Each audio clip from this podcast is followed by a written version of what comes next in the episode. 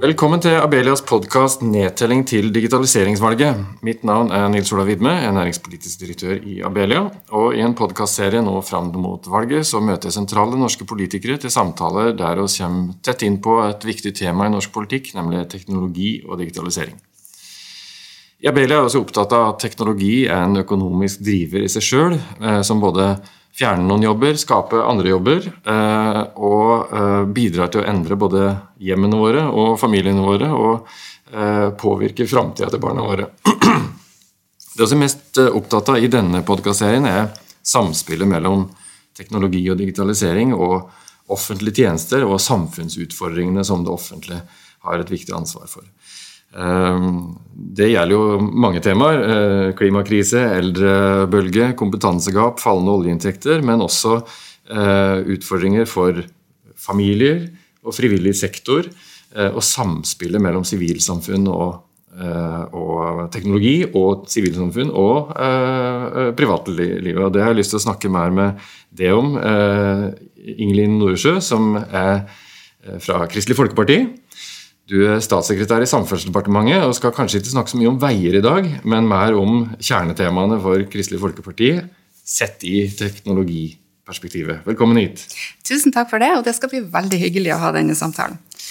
Du er jo eh, som sagt eh, statssekretær i Samferdselsdepartementet. Eh, det er jo en veldig veldig viktig teknologipremissleverandør for, for oss. Og jeg må bare starte med å si at vi er veldig opptatt av å få bredbåndsdekning i hele landet. God nok. Eh, både i Oslo, der hos er nå. Noen av oss sliter med bredbåndsdekning der også, men også i distriktene. Eh, og et av de viktige eh, hensynene bak det er jo å sørge for at vi sitter for et digitalt skille i samfunnet. Mellom de som kan delta, og de som ikke kan delta. Så jeg lurer på om jeg bare starter med lobbyoppgaven min. Eh, gjør Norge til et gigabit-samfunn så fort som mulig.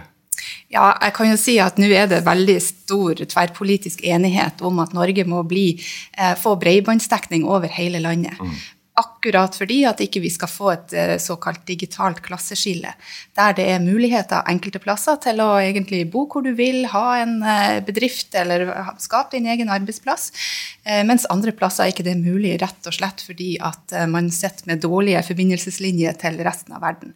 Og Sånn kan vi ikke ha det framover. Vi vil bli avhengig av at hele landet får tilgang til godt bredbånd eller godt nett. Og det, det må ikke være fiber i bakken, det kan også være trådløst. Det må være løsninger som passer for landet vårt, og der har vi mange muligheter. Og jeg vil jo si at jeg tilhører et parti som har KrF, som har pusha på i Stortinget mm. eh, mange ganger for å øke tilskuddene til bredbånd over hele landet. Og de har vært i 100-millionersklassen hvert år de siste årene, heldigvis.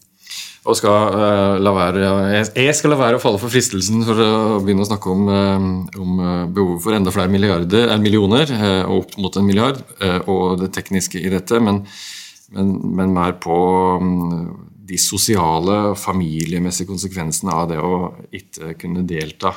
Eh, det er jo riktignok sånn at vi har et av de beste bredbåndsdekningsnivåene i, i, kanskje i verden, i Norge, men det er fortsatt mange som uh, faller utenom.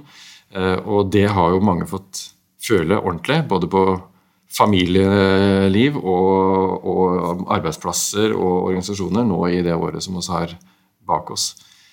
Um, frivillig sektor jo, uh, står jo også midt oppe i digitaliseringsutfordringen, der de opplever at tidligere så kunne man samle inn penger, møte folk på gata og på dørbank og fysisk. Nå flyttes det over på sosiale, sosiale Nei, på digitale flater. og skaper en kjempeutfordring for driften av organisasjonene. Og kjempemuligheter for noen som greier å, å, å dra nytte av det. Ja, det er helt sant. Det er klart det er store og små eh, organisasjoner, frivillige. Eh, frivilligheten står jo sterkt i Norge. Mm. Og enhver eh, nordmann er jo nesten medlem av én til tre organisasjoner som man bidrar med på fritida si. Og så har vi jo hatt en mellomperiode nå der den der loddene og basaren og alt det her som har krevd kontant betaling, den, de har hatt litt eh, dårlige kår i det mm. siste. Det var dyrt for små organisasjoner å leie en betalingsterminal mm. for å kunne ta eh, imot betaling når folk ikke hadde kontanter.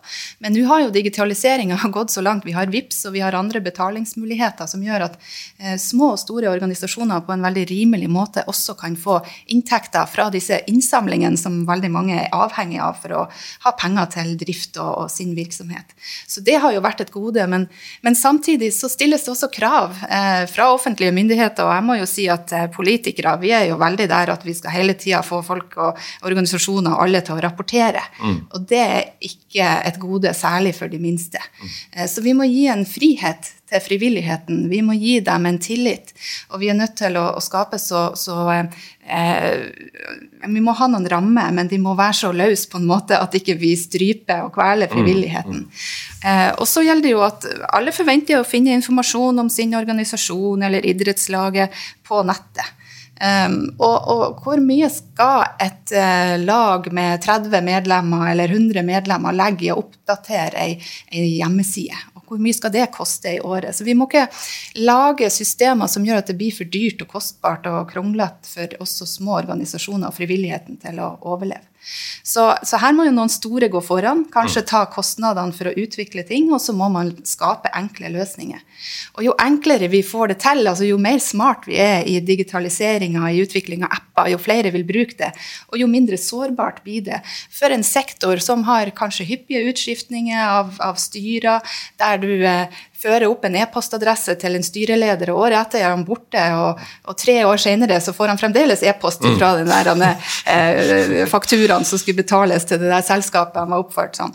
Så, eh, så der har man noen utfordringer. At vi ikke vi skal um, styre frivilligheten for mye, men gir dem rammer som gjør at de kan uh, drive sin virksomhet uten å måtte sitte og rapportere og drive med papirarbeid og sette seg inn i nye teknologiske løsninger hele tida. Uh, det må være enkelt og tilgjengelig. Mm. Det er, jo, det er, jo, flere sider ved dette, men du er inne på noe veldig sentralt. Altså, det er klart at Alle som er opptatt av at altså, når staten gir penger til en organisasjon, så skal det være kontroll på pengene, man skal ha orden i sysakene osv. Alle vil være enig i det, men, men det, den negative sidevirkningen dette skaper i en sånn digital eh, omstilling som også frivillige organisasjoner må gjennom, det er jo nettopp det at de får jo da ikke lov å bruke de pengene til digitalisering. Har du fått penger til ett formål, og du tenker at men jeg trenger å digitalisere, så kan det bli et problem. Mm. Um, og uh, antagelig er det ikke så, lett å få frivillige bidrag eh, fra medlemmer og støttespillere til, til sånne si, infrastrukturinvesteringer som digitaliseringsprosessen eh, forutsetter. Så her har, vi, her har samfunnet, både, både, organisasjonene, men også staten og politikken, men også vi som medlemmer, en, eh, en, liten utfordring en nødt til å knekke. Ja, jeg tenker Det der er kjempeviktig. Det, det, som da spiller inn, det er jo om eh, idrettslag, eh, kulturorganisasjoner, korps, kor osv. Om de har et driftsgrunnlag som gjør at de ikke blir avhengig av masse ulike typer prosjektmidler. For disse mm. prosjektmidlene de skal ha en, en, en, et formål, og de skal rapportere på dette formålet. og Hvis det viser seg at det er gått offentlige penger til et formål som noe, gikk til noe helt annet enn det det de hadde søkt om, så blir det jo rabalder. Eh, så derfor så, så, må man på en måte ha denne, denne rapporteringa på ett vis. Men jeg tenker KrF er opptatt av at det skal være grunnfinansiering som er holdbar for frivilligheten. At mm. frivilligheten skal få være fri. Og det betyr at den uh, må ha noen uh, finansielle løsninger og ordninger fra staten, fra andre, som gjør at man kan drifte uten å hele tida være avhengig av prosjektmidler. Mm. Uh, og så tenker jeg at Eh, ja, Norge er jo et land der dugnadsånden står sterkt. Og så får vi se etter pandemien om ordet dugnad er noe vi har lyst til å, å ta i vår munn igjen. Eh, men likevel så, så, tror jeg at eh, det som er, det som er viktig å huske, at vi har en eldre generasjon som ikke har vokst opp mm. med de her iPad og smarttelefonene som våre barn gjør nå. Og det er klart, den terskelen for dem å føle at de er en del av samfunnet, og kjenne at eh, de er tilgjengelige, at de mestrer den nye digitale hverdagen, det er også ei felles utfordring. Mm. Det er ikke bare de eldre som skal lære seg. Men det er samfunnet og utviklerne som må, og vi andre som må bidra til å lære dem opp, men å senke terskelen for å kunne være med. Og så syns jeg òg det er viktig at, at, det skal være mulig å betale kontant fremdeles. Ja, det er jo et, eh, en hot potato i politikken. Ja, altså jeg mener at det bør være mulig å fremdeles kunne betale eh, kontant. Det er et viktig prinsipp, eh, fordi at man ikke skal tvinges inn i et system som, som for mange har en stor barriere. Um, og, så, tenker jeg jo at vi kommer jo dit en gang mm. at uh, antakeligvis så, så, blir det så få som har kontanter at man kanskje går mot et kontantløst samfunn.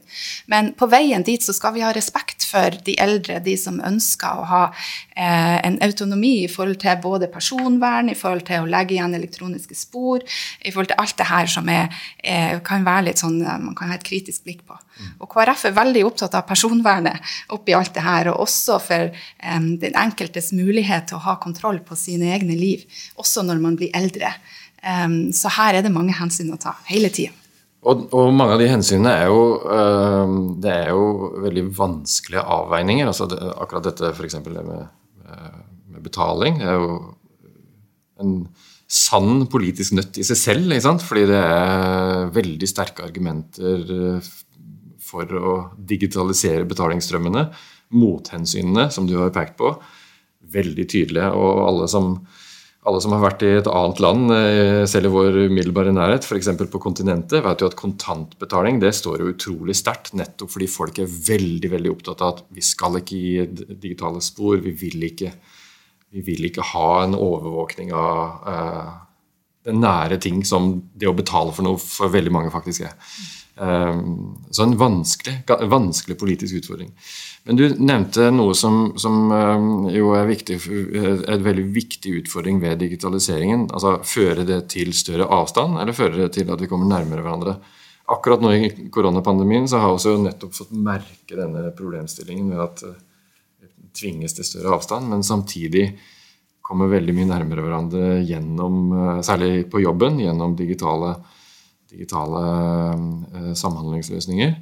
Og noen av oss vil kanskje si at det har gått for langt. Det, det ubehagelige liten, stor fysisk avstand, og så er det ubehagelig tett uh, og, og, hyppig uh, digital uh, kontakt. Men på det sosiale planet der er jo alle de som står utenfor arbeidslivet, de eldre, de er på en måte ikke med på dette. Der er det jo en bedrift som er medlem i Abelia som er veldig interessant, som heter No Isolation. som har eh, lagd nettopp denne løsningen for å gjøre det veldig enkelt for eh, de som som du nevner, som ikke er oppvokst med vår, eh, den teknologien som, som sin barnelærdom.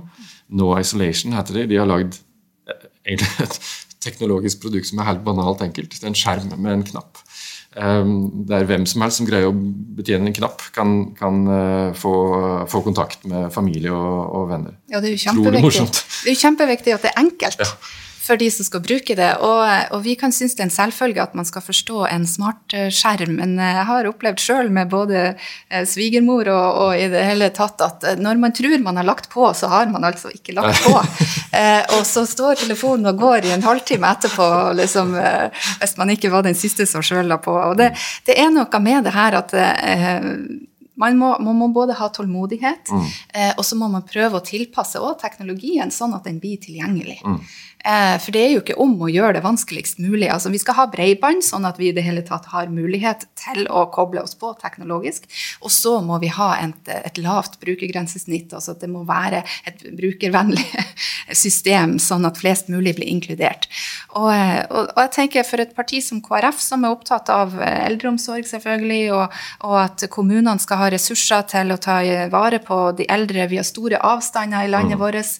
Mange små kommuner. Mange ligger avsides avsides, så blir vi avhengig, tror jeg, av teknologisk utvikling også i eldreomsorgen videre framover. Og, og, jeg tror at det kan være redninga faktisk for en del av eh, de mindre kommunene og de minste kommunene til å få um, så mange Når man ikke har hender nok, for å si det sånn, i framtida. Det har jo perspektivmeldinga ja. vist, at vi, vi, har ikke nok hender til, til fremtidens eldreomsorg. Og da må det erstattes med noe. Ikke varmen, på en måte, og den menneskelige nærheten, den kan ikke erstattes av noe digitalt.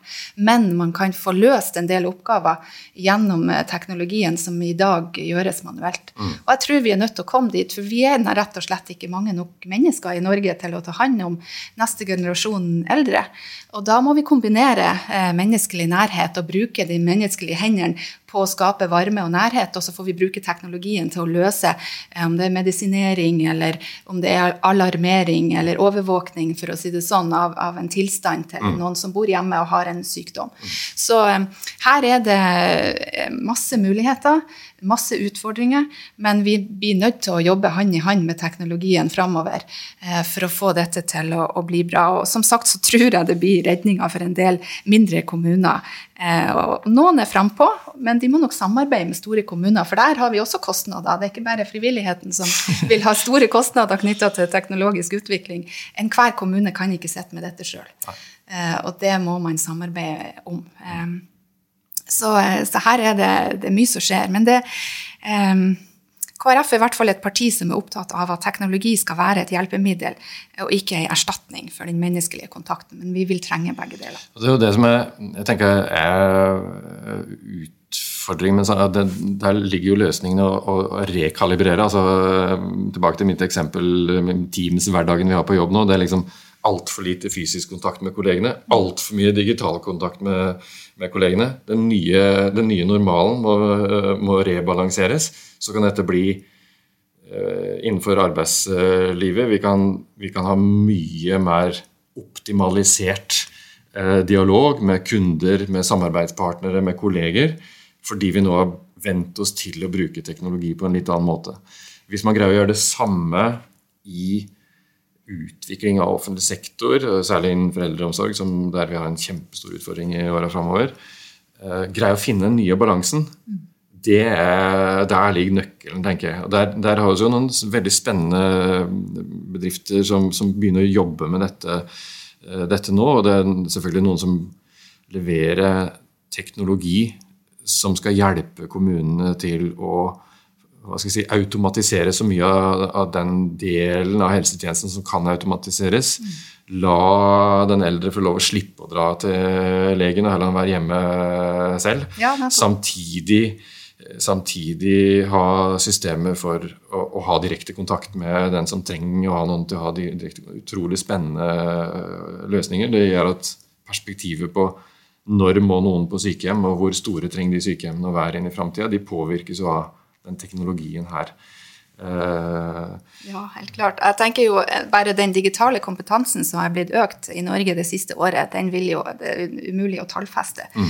hvor mye det betyr. Men det er klart at uh, reisemønstre, offentlig virksomhet, vil spare masse penger på at man har lagt seg til en vane og har utstyr nå for å gjennomføre digitale møter på jobb, f.eks. Mm. Og nå har jo jeg sittet i et departement som overhodet ikke var klar for å De var ikke forberedt? De var ikke forberedt, nei.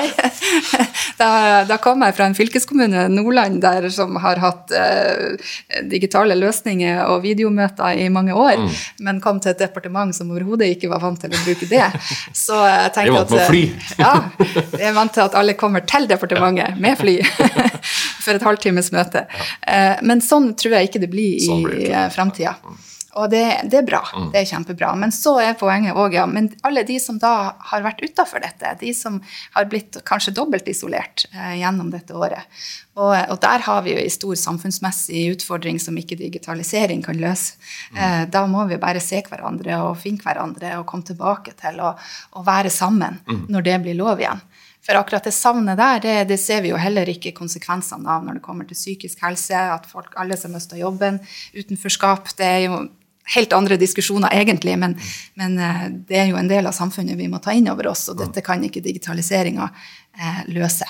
Nei, men, og det, altså selv om det må jeg bare for ordens skyld si, at uh, i Abelia har klokketro på teknologi som, som faktor for å, løse, å løse store samfunnsutfordringer, men, men, det er altså denne si, 80-20-regelen eh, den gjelder også i det sosiale livet. Teknologi har, har betydning, men, men, det er jo si, det organisatoriske. Det at vi faktisk møtes, at vi faktisk eh, har kontakt. Eh, det er jo det som teller, etter hvilken plattform det skjer på.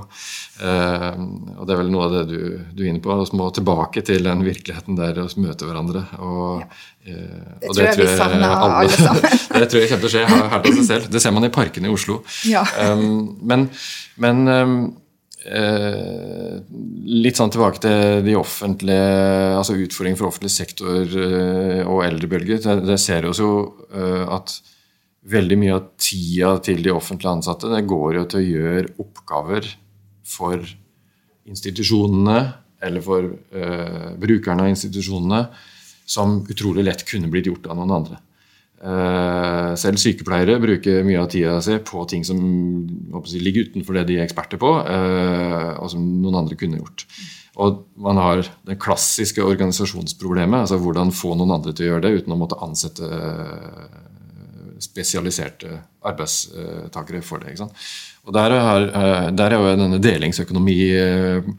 delingsøkonomitanken kom inn i, i, i norsk offentlig sektor, og gjennom eh, særlig et selskap som, som, også er veldig glad i, i Abelia, som heter Nyby, som har lagd en helt enkel uh, delingsplattform der, der uh, offentlige aktører kan legge ut nærmest oppgaver som de trenger hjelp til. Og så sitter frivillige organisasjoner, det kan være Nav, eller privatpersoner på den andre sida og sier ah, den, den kan jeg hjelpe med, her kan jeg komme inn. Og man opplever både å løse et oppdrag som eh, man har i den offentlige institusjonen, og man kan skape inkludering for personer som uh, har vanskelig for å komme inn, f.eks. Eller man kan skape et engasjement i en frivillig organisasjon. Uh, for meg er det utrolig sånn, fascinerende. Uh, man løser et kjempestort samfunnsproblem som handler om å koble aktørene gjennom en app. ja, det er jo et kjempegodt eksempel på hvordan eh, digitalisering, teknologiutvikling, kan bidra til å, å faktisk eh, løse noe av det mest klassiske som mm. offentlig sektor sliter med, og det er silotenkning. Mm. Eh, det at hver sektor er mest opptatt av seg sjøl, hver sektor har sine egne system. Og er du en eh, pasient eller en bruker eller noen som skal ha en tjeneste, så skal du gjerne på tvers av disse systemene, mm. men så møter du barrierer da Eh, hver eneste, mot hver eneste silo. Og hvis en sånn applikasjon som Nyby da vil, vil kunne bidra til å eh, ta ned disse barrierene og skape et brukergrensesnitt som gjør at, at eh, både de som bestiller tjenester, og de som skal bruke dem, og de mm. som da har noe å tilby, de som skal eh, få tjenester, at de kan bruke samme plattform og, og, ta ned disse barrierene, så er det helt suverent. Mm. fordi at så ja, det er, det er, det som vi gjerne hører som politikere, det er at uh, vi når ikke gjennom i systemet. Mm. Eller uh, jeg måtte forklare min sak ti ganger til ulike saksbehandlere der og der for å få eh, ja, den stønaden jeg hadde rett på. Og det, det er noe utleverende mm. ved at man har et system der du ikke kan komme og få snakke med én person eller ett system, men at du er nødt til å blottlegge deg som menneske mange ganger i løpet av eh, den perioden du f.eks. er syk og har eh, krav på noe stønad, eller behov for ekstra hjelp i hjemmet over en eh, overgangsperiode gjennom rehabilitering f.eks. Så at hvis en, en, sånn app kan bidra til at kommunen får systematisert sine tjenester, at man kan bidra til å se enkeltmennesket og gjøre det lettere for, for de som da i utgangspunktet er i en vanskelig situasjon, mm. så er det ingenting som er bedre enn det. Jeg, jeg, tror at denne evnen til å, si, å komme forbi gamle organisatoriske strukturer eh, sine negative sider de, altså de, gamle strukturene har noen veldig positive sider, men de har også noen negative sider. Liksom. Komme forbi de negative. Eh, det er dette her et eksempel på. Eh, man kan få frigjort ressurser som fins i samfunnet, til nytte for uh, kommunen, litt enkelt sagt. Uh, og samtidig skape en verdi både for kommunen, men kanskje også for den som leverer. Uh, altså Jeg blir aller mest fascinert av, av de eksemplene på, på folk som ikke greier å få fotfeste i arbeidslivet, som har problemer med å holde på jobb, men som gjennom denne måten å bli si, kobla med oppgaver på, får korte oppgaver som gjør at de, oi, de begynner å bygge fotfeste i arbeidslivet. Sakte, men sikkert. På en måte som de tidligere måtte, de måtte gå til Nav, eller de går fortsatt til Nav, men de måtte få en jobb, altså de måtte ha en støtteordning. Og, og, sjansen for å mislykkes øker jeg, for hver offentlig innpakning du må ha for å, for å lykkes. Men med denne lille koblingsløsningen så kan kanskje bli lettere for mange.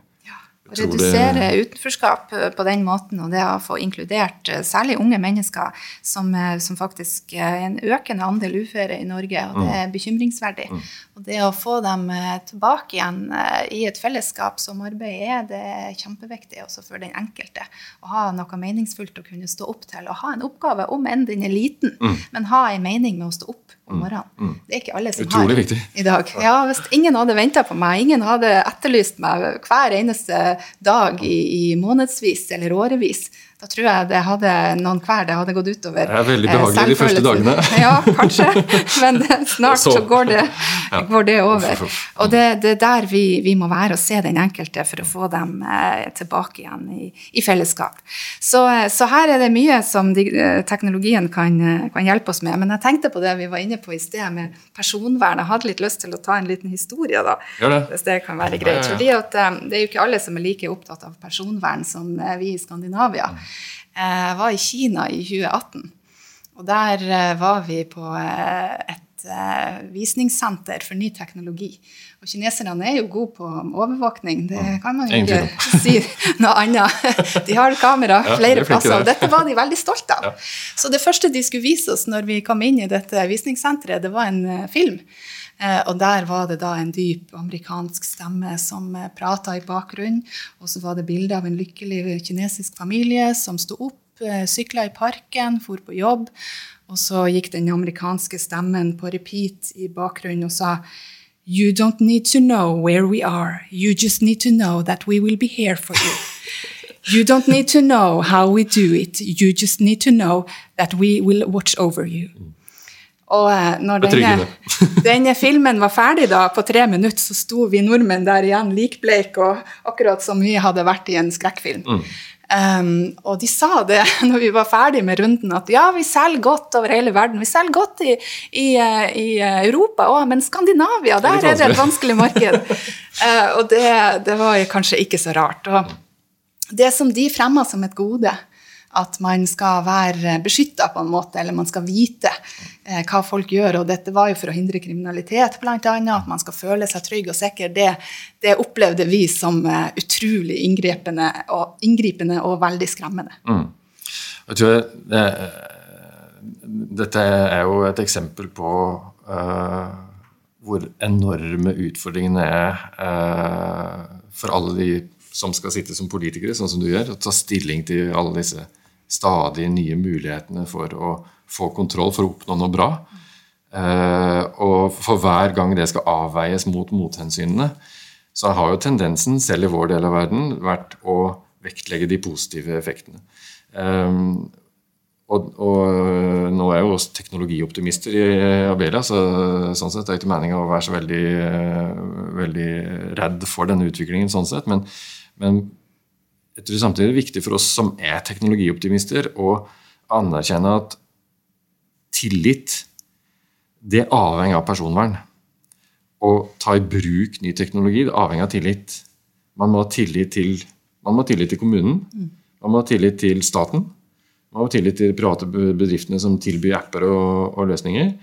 Og det å ha en god personvernregulering og håndheving av det, eh, det hvis, hvis, det elementet der rakner, da rakner også mulighetene for å oppnå gevinstene ved digitalisering. Og det tror jeg også er på den teknologioptimistiske siden, eh, bør minne oss selv om så ofte som mulig. Ja. Og vi har jo et tillitssamfunn i Norge. Altså, det, det, er jo også derfor det har fungert eh, godt under pandemien. At når, når statsministeren er Eh, på ukentlig basis egentlig står og sier hva er det vi må gjøre for å slå ned koronaviruset, så, så på en måte er folk utrolig altså, til å, å, å, lytte og respektere og ta sin del av jobben for å, å, i fellesskap løse dette. Og det handler om tillit mellom borgere og, og politikere. Altså det, det, er kjempeviktig. Og det er ikke alle land som har det, eh, og det skal vi være takknemlige for, men det er samtidig sånn at vi må som politikere håndtere det med 'handle with care'. Mm. Altså, vi skal ikke misbruke den tilliten. Eh, absolutt ikke. Og det, den er skjør Eller den, den, er ganske solid, for å si det sånn, men vi har mulighet til å gjøre det. Ja, den er mm. lett å ødelegge. Det er det som er. Mm. Det lang tid, det er klassisk med tillit. Det er lang tid å bygge opp. Ja. Veldig lett å ødelegge.